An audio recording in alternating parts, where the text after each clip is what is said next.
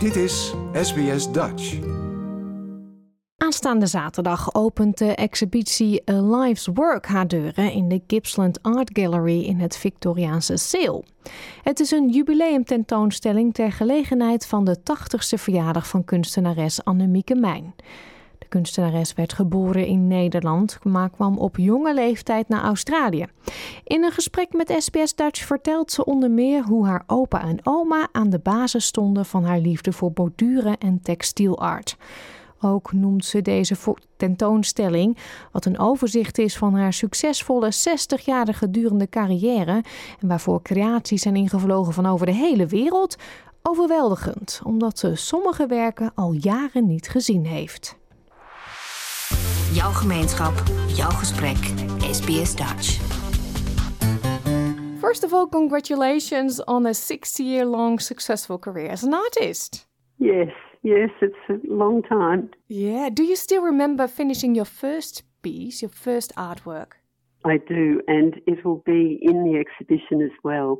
Um, the exhibition is work over 60 years of my artwork um, and developed from the 1960s to the work I'm doing, working on today. Yeah. And there'll be 200 works, and um, they're mostly textile works and they're coming from all over Australia, um, from galleries who own them, like Queensland, Canberra, Sydney, Melbourne art galleries, and uh, private owners as well. And even ones come from Canada. Wow. so uh, I, I imagine some of the works you haven't seen for a very long time. Exactly. Some of them I haven't seen for over 50 years, and um, they've they came back early. They're already here, so because I had to clean them, vacuum them, and you know, get them all ready for exhibition. So, but oh, it's it's just been so um, emotional seeing these works. I, I look at them and I think, did I make that? As in, did you surprise yourself? Like, I, I can't remember, or like how it looks so good, or yeah, well, that too. You know, some of them I thought, oh dear, I I don't know if I want to know you. but anyways, most of the works hang on the wall, but um, they, the feature of the work is that their sculpture they also come off the wall. That is, they come out of the frame. They hang down, like gum leaves will hang down out of the frame. Yeah, like 3D. And, and insect wings will come out of the frame.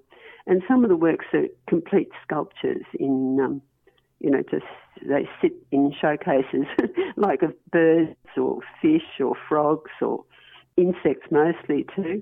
Hmm. Yeah, because the theme in your works is nature, right? Yes, yes. I'm totally inspired by nature. Yeah, where does your love come from? Well, I live in the country, and this Gippsland area is beautiful in um, in the high plains, the snow area. There's beaches, Ninety Mile Beach.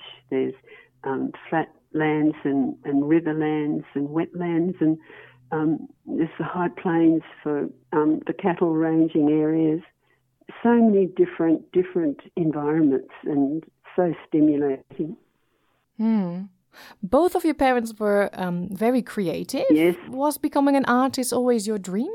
Um, no, well, it wasn't. It was a dream for me, but my parents didn't want me to be an artist. And as a girl, I used to hide my drawings in the maths book because my father wanted me to concentrate on maths. Oh. so it was um, it was tricky, but finally um, art came out. I just had to do it.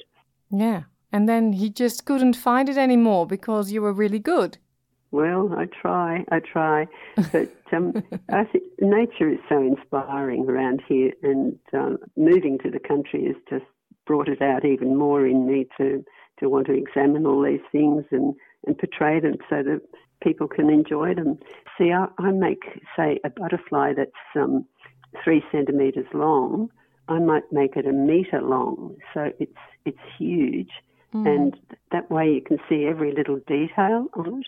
Because I use a microscope to um, check this out. Yeah, like real butterflies, you check them out and make then your art, and it looks so realistic.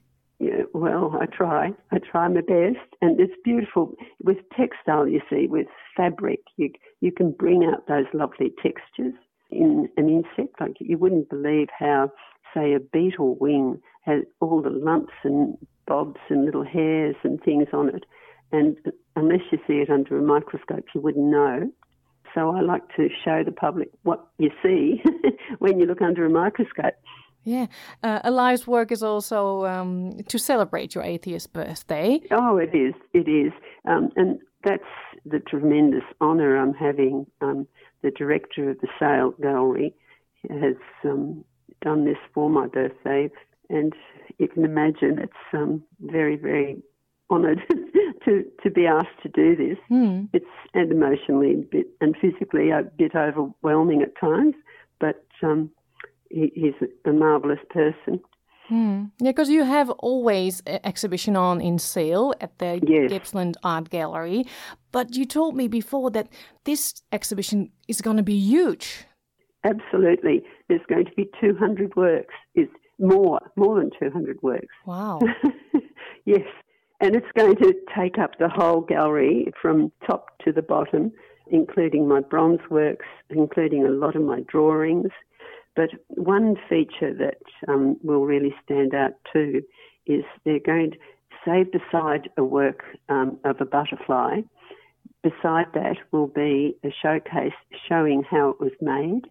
So I'll show my techniques and methods and stitching trials and my notes and sketches. Hmm. So they go with the work. Yeah.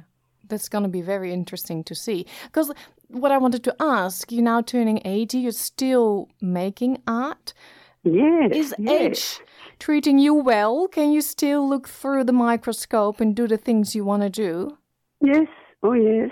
The last work that's going in the show made it, it's still under construction, and it's going in there as a work in progress, so that people can see what a work looks like before it's all stitched. It's only partly stitched, and the rest is all pinned together and tacked together. And that's the work I'm working on. So while the exhibition's on, I can't work on it. No, oh no. what are you going to do? anyway, what what I'll describe the work. Um, it's um, about eight feet long and four feet wide. It's huge, and it's all of bogong moths. I don't know if you know bogong moths, but no. they're, they're the moths that that in summer they go into the caves up in um, the Bogong Ranges in Sydney there and in um, Victoria in the Alpine Ranges. They go into the caves and that's called estivation. It's like summer hibernation, if you know what I mean. hmm And they all cling together in these caves because they hate the sunlight. And so I've done this huge work which is covered in all stitched moths. Wow. yep, you'd have to see it to believe it. Yeah.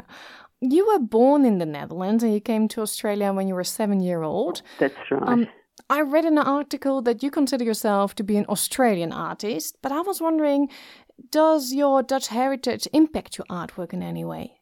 oh, my word, it does. My love for artwork, this type of work, textile work, began with my grandparents. Um, I was brought up by my grandparents in Holland. Um, it's only when my parents wanted to immigrate to Australia that they had to take me because my grandparents said they were too old to look after me.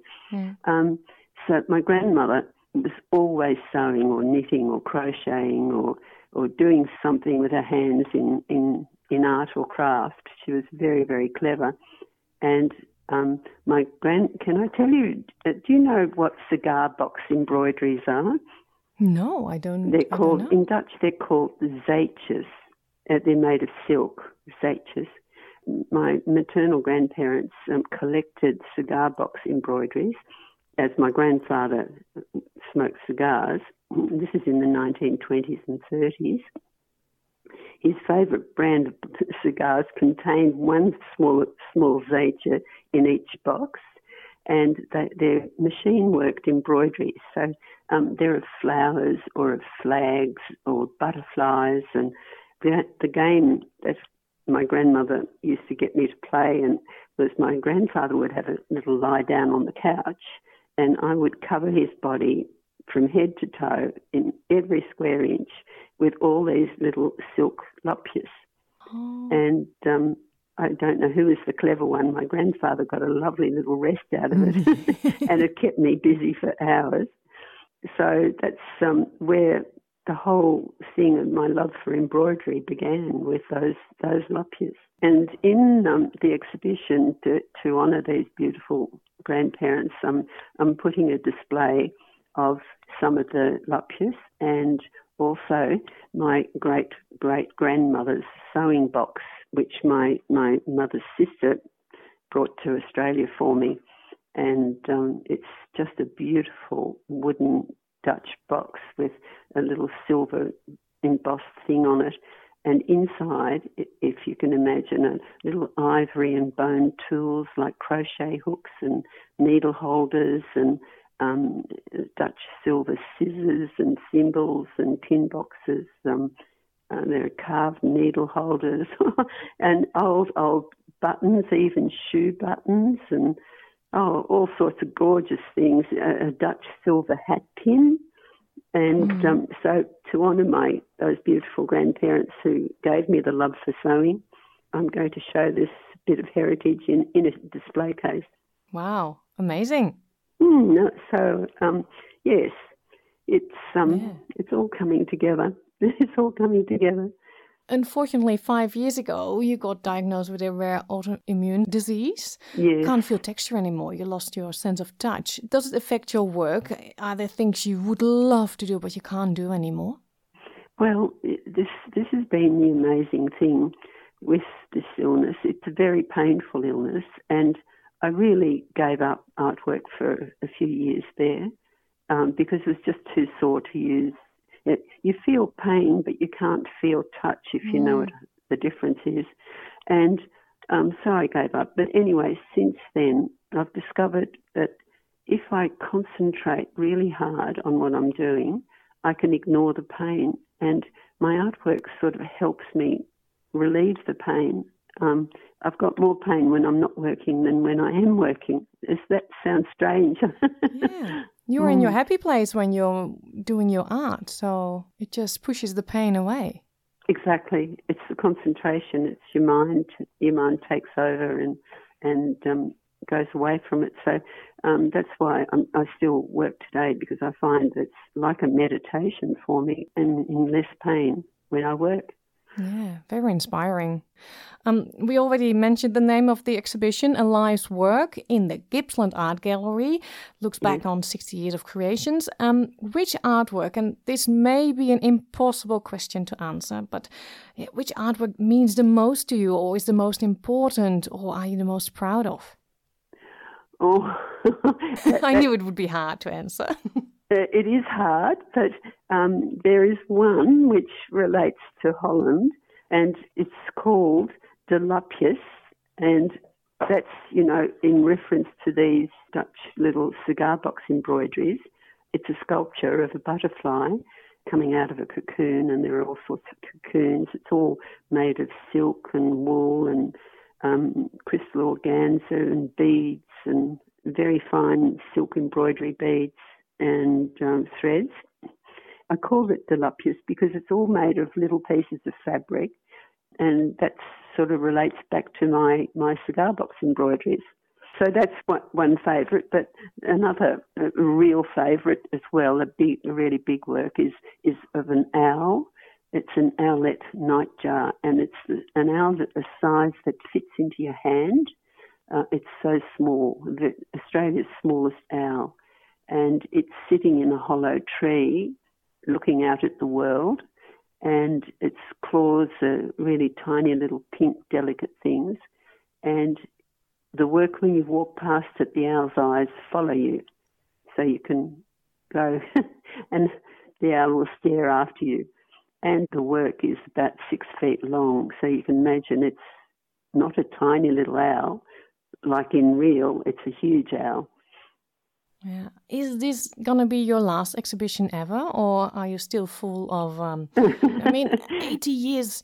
Uh, it's maybe time to just enjoy other things too.